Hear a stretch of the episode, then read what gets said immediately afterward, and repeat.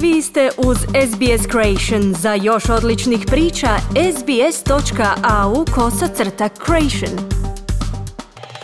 Dnevnik HTV-a je objavio rezultate redovitog mjesečnog istraživanja HR Rating koje je provela agencija Promocija Plus od 14. do 18. listopada na najvećem uzorku od 1400 ispitanika prema načelu cijela Hrvatska jedna izborna jedinica.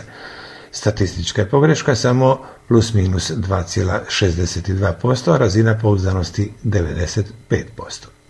Da se sada glasovalo, HDZ bi bio relativni pobjednik sa 27,4%, ali za vrat mu puše SDP koji je trenutačno na 24,6%. U odnosu na Rujan, obje su stranke zanemarivo, ali ipak pale.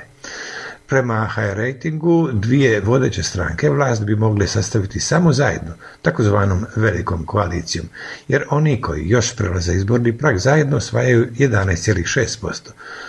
To su neovisna lista u javnosti nevidljivoga Mislava Kolakužića, koja je trenutačno na 6% i Most 5,6%. Za razliku od dvije vodeće stranke, Kolakušić i Most rastu, na minimalno. Kao i HSS koji s 3,3% predvodi golemu skupinu stranaka koje ne prelaze izborni prag.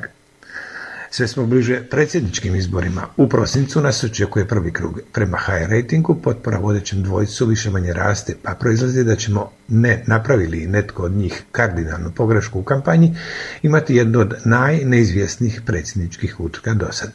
U odnosu na Rujan, Kolinda Grabar-Kitarović porasla je za 1,3% i sad ima potporu 29,8% birača.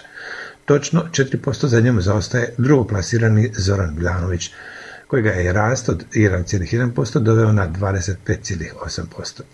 Treće plasirani Miroslav Škoro je na 19,1% potpore. Njegova potpora je malo porasla u odnosu na Rujan, za razliku od četvrtog Mislava Kolakušića, kojega je pad od 1,5% sveo na samo 7,1% biračke potpore. Želite čuti još ovakvih tema?